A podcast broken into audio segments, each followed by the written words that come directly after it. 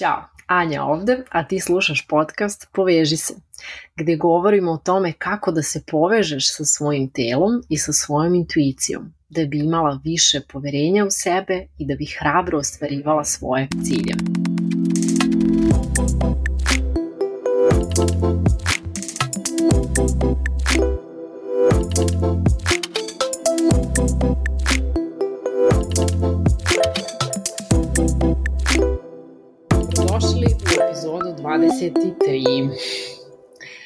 Razmišljam nešto ovih dana koliko sam zapravo zahvalna sebi što ulažem u svoju glavu i u svoje emotivno zdravlje evo već poslednju deceniju, ako ne i više. Zašto sam sebi zahvalna? Zahvalna sam zato što sam na taj način sticala veštine, alate, kako da se nosim sa svojim mislima i sa svojim emocijama. Naravno, sada sam daleko od toga gde sam bila pre 10 godina ili pre 5 godina, pa čak i pre godinu dana. To, to nekako konstantno, još uvek sam work in progress kao i svi mi koji krenemo tim putem, prosto nema ono, aha, ja idem, ne znam, na coaching već dve godine i sad sam kao super, ili ja vežbam mindfulness već pet godina i sad više, sad mogu da stanem, kao sad sam super. To su sve stvari koje jednom kad naučimo ostanu sa nama za uvek i konstantno se nadopunjuju, zato što nam život stalno donosi neke nove situacije. I ovih dana mi se konkretno nanizalo nekoliko stresnih situacija i priznajem nisam u svakoj bila hladna kao špricer, ali znala sam sebe brzo da umirim. Znala sam sebe da regulišem, znala sam kako da ne upadnem u to da me misli spinuju, znala sam kako da ne upadnem u ruminaciju o kojoj sam pričala u prethodnoj epizodi. Pominjala sam ovde u podcast epizodama da trenutno delimično renoviramo stan i znate i sami kako kogod je renovirao stan u potpunosti ili delimično da uvek dođe do nekih nepredviđenih situacija i negde onako se i pripremite da može do toga da dođe. E sad, poslednja nepredviđena situacija koja se desila ovde kod nas je bila prošle nedelje, a to je da komšiji ispod, koji živi u stanu ispod nas, da mu curi voda iz našeg kupatila. I to ne malo, nego onako baš lepo curi voda. A kupatilo, naše kupatilo je bilo jedina stvar koja nije bila u planu da se renovira, kupatilo i kuhinja, jer to su stvari koje smo renovirali konkretno kupatilo pre nekih 7-8 godina i kao je super, ne moramo sad to, možemo sad neke druge stvari. Međutim, sad mora da se obija a, pola kupatila da bismo došli do te neke cevi da vidimo da li tu pušta vodu, ako ne pušta tu, obija se druga strana kupatila da vidimo da li tamo pušta vodu i tako dalje. Kao što možete da zamislite, to povlači sa sobom nove majstore, dodatne dane uh, haosa, uh, majstora, prašine i svega u kući, naravno mnogo veći nepredviđeni trošak i tako dalje. I zašto ja sad sve ovo pričam i delim sa vama? Pa zato što jednostavno život se dešava. Život se konstantno dešava i ako ne naučimo da se nosimo sa stresom, sa frustracijom, sa nekim neprijatnim situacijama na način da one ne ometaju naše zdravlje i funkcionisanje, moramo da krenemo uh, da učimo kako to da radimo. Jer ako ne naučimo sebe da regulišemo, onda će svaka situacija potencijalno moći da nas preplavi. I ono što je bukvalno must u životu, ako već to nismo shvatili, jeste da naučimo kako da se nosimo sa preplavljenošću. To je jednostavno deo puta. Ako naučiš ti, znaće onda i tvoja deca, vidjet će tvoj primer. Vidjet će nekoga ko nije stalno u haosu, nekoga ko ume da reguliše svoje neugodne emocije, nekoga ko ume da vlada svojim mislima i tako dalje.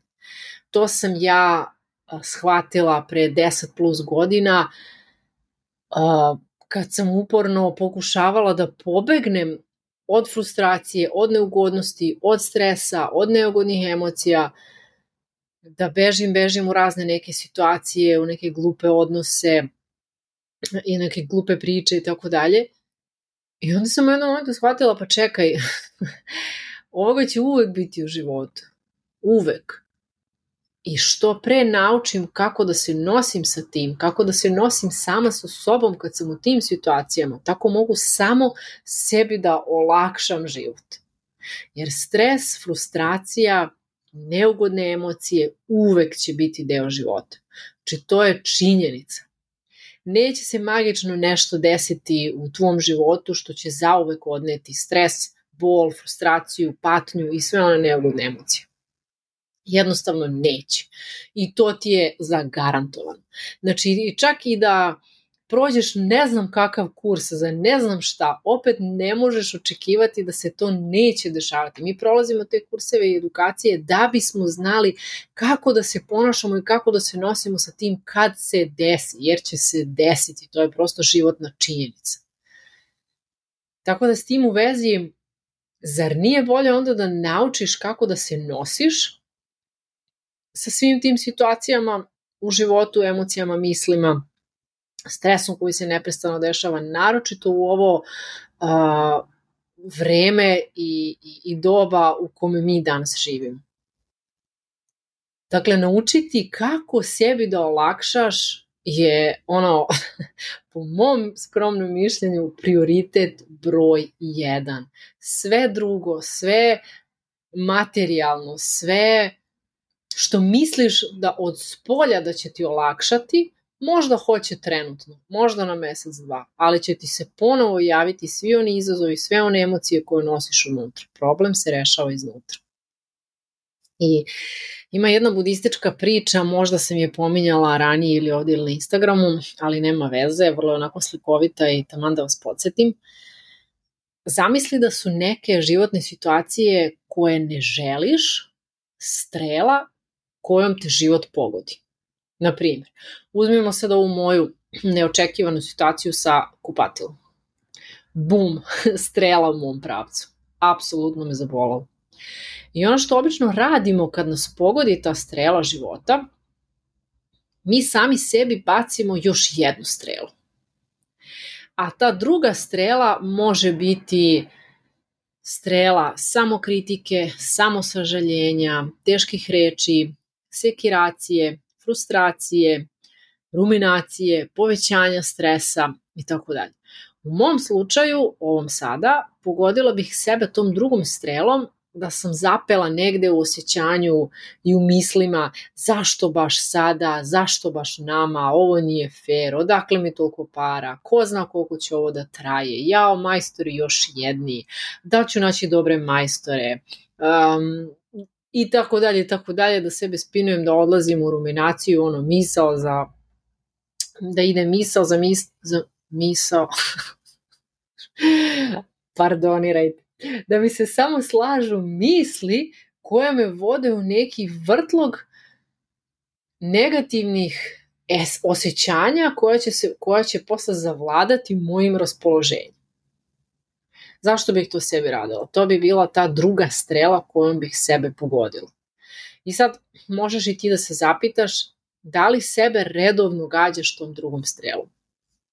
Na primjer, imaš veliki obim posla, što je samo po sebi stresno sve to ishendlovati, dakle život te pogodi tom strelom i onda ti dođeš i naciljaš na sebe i odapneš drugu strelu sa svim onim mislima i rečenicama kako ću stići, uh, moram nekog hitno da zaposlim, ali koga sad da nađem, svi su nesposobni, nemam vremena, neću stići, trebalo je bolje da se organizujem, neću ispoštovati rok, otići će mi klijenti, sve će da se raspadne, kako sam glupa, kako sam neorganizovana, bla, bla, bla.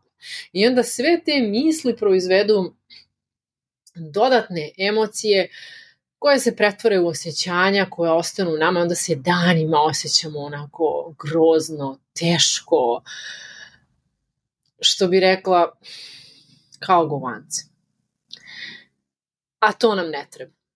Možemo da naučimo kako da ne gađamo sebe tom drugom strelom. I kad to naučimo, olakšat ćemo sebi život, pa neću da govorim u postupcima, ali uveliko ćemo olakšati sebi život.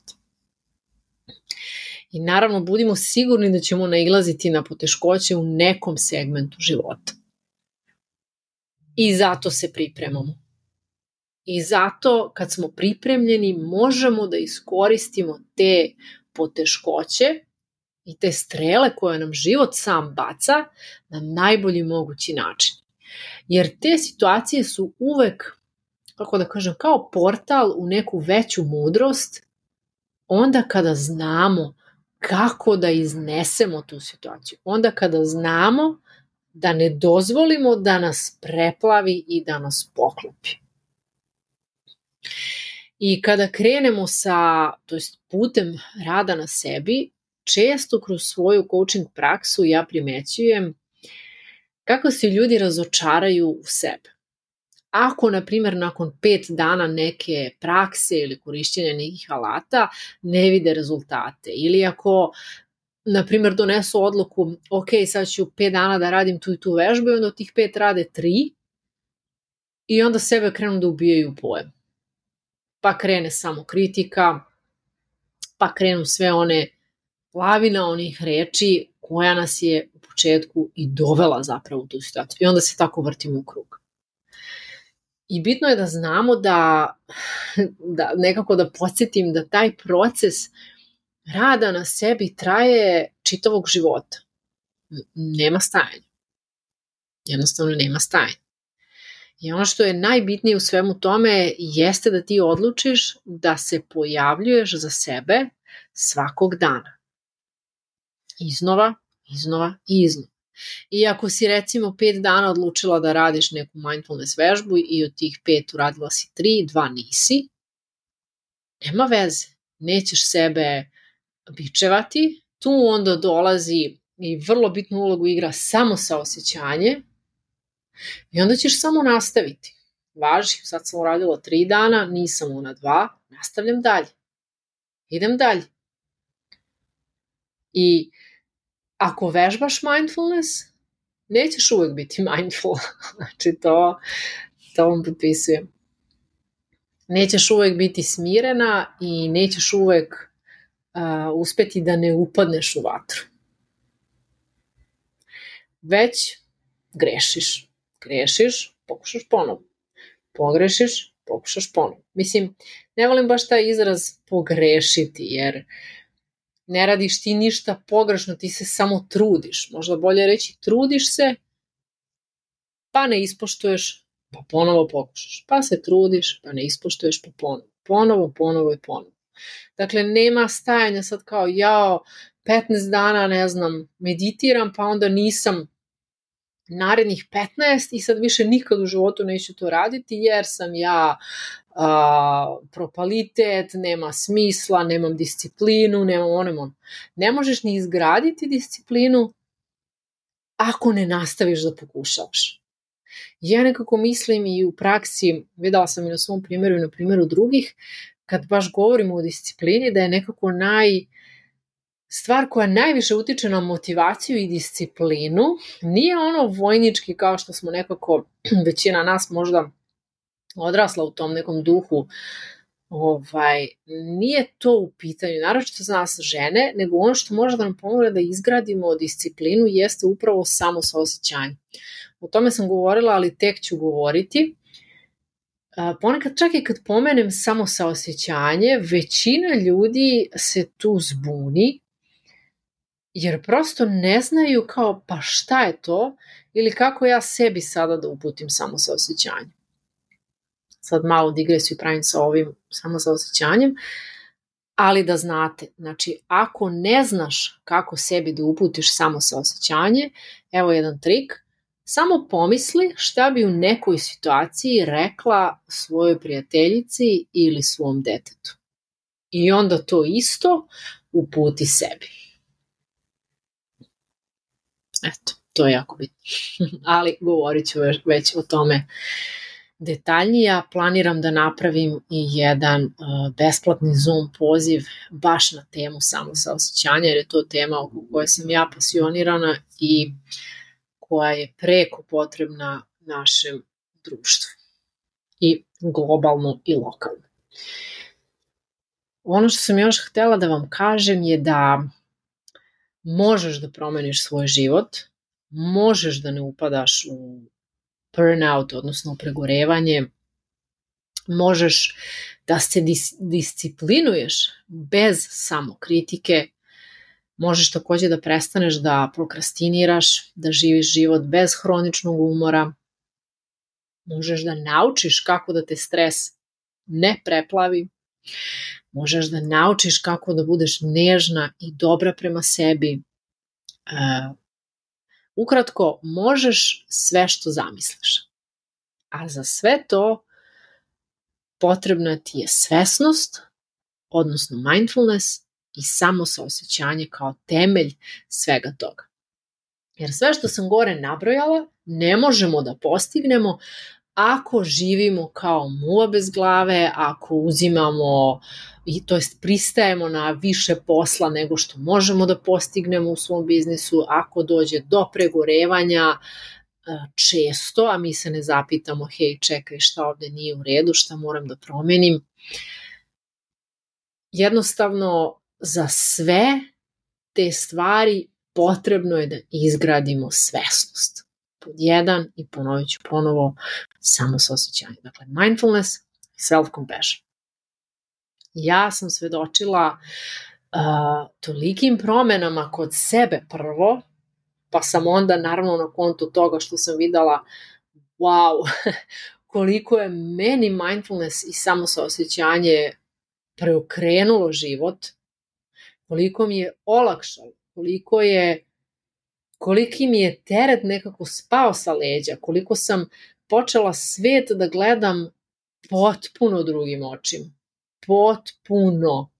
Kad sam sebi postala najbolja prijateljica, neko ko je uvek tu za sebe, kad sam prestala da se oslanjam na druge ljude, naravno, lepo je i poželjno je da je tu neko ko može da nam se nađe u teškim situacijama, jer prosto mi smo ljudi bića koja o, traže kontakt, bića koja traže zajednicu, to je sve poželjno, ali šta da radimo u onim situacijama kad smo sami? Kad prosto nema nikog, svi su zauzeti. Nema. Sama si. Moraš sebi da pomogneš. I kad malo bolje razmisliš, većinom u toku dana si sama negde, sama si u svojim mislima, sama si u svojoj glavi, sama si sa svojim emocijama. Moraš znati kako sebi da pomogneš. To je, to je, to je prva tačka. I onda kad tu uspeš sebe da izregulišeš, onda će biti samo bonus taj neko ko će doći pružiti ti zagrljaj i reći ti neke reči utehe i tako dalje. I dakle, svedočeći svojim promenama koje sam ja doživala, poželjala sam da radim i sa drugim ženama, da prenesem i svoje iskustvo i znanja koje sam sticala kasnije na tim poljima, prosto videvši koliko je ovo to moćno i kao ja jednostavno ovo ne mogu da zadržim za sebe. ovo mora da se širi dalje. I posle sam naravno videla i u radu sa klijentima kolike promene takođe i one same doživljavaju uz pomoć pod jedan mindfulnessa, pod dva samosaosjećanja. Znači to, te dve stvari su temelji. Po mom mišljenju temelj svega. A sve se to desilo zato što sam i ja i one jednog dana smo donele odluku da ne želimo više da budemo muve bez glave, već žena koja je centrirana i koja vlada svojim životom. A promena se dešava iznutra. Nema tih cipela, tog letovanja, um, ne znam, kaputa, kompjutera, filma koji će nam pomoći da sebi ulepšamo život, da I još jednom da ponovim, promena dolazi iznutra i onda se reflektuje na sve spolje. I to možeš i ti da već danas da kreneš sa promenom, donesi odluku, ako želiš moju podršku, javi mi se da radimo zajedno, bit će mi zadovoljstvo, možeš da zakažeš coaching ispod, na linku um, ispod ove epizode. Nadam se da vam je epizoda bila korisna, da ste izvukli vrednost za sebe. I ako jeste, uh, možete da je podelite, to je bilo bi mi zadovoljstvo da je podelite sa nekom drugaricom, sa nekom vama dragom osobom koja takođe može izvući vrednost iz ovog podcasta. I pišite mi uh, svoje mišljenje na ovu temu, na druge teme o kojima sam pričala. Možete me naći na Instagramu kao Anja Susak ili mi pišite ovde, ostavite feedback, zapratite podcast, jer to mi sve pomaže da ove informacije dođu do što većeg broja ljudi. Hvala puno što ste odslušale do kraja, jer ja znam da vi koje ovo slušate imate isto tu goruću želju da promenite stvari koje vas nerviraju, da izađete iz šablona i da postanete svesnije i samosaosećajnije. Hvala puno i slušamo se narednog petka.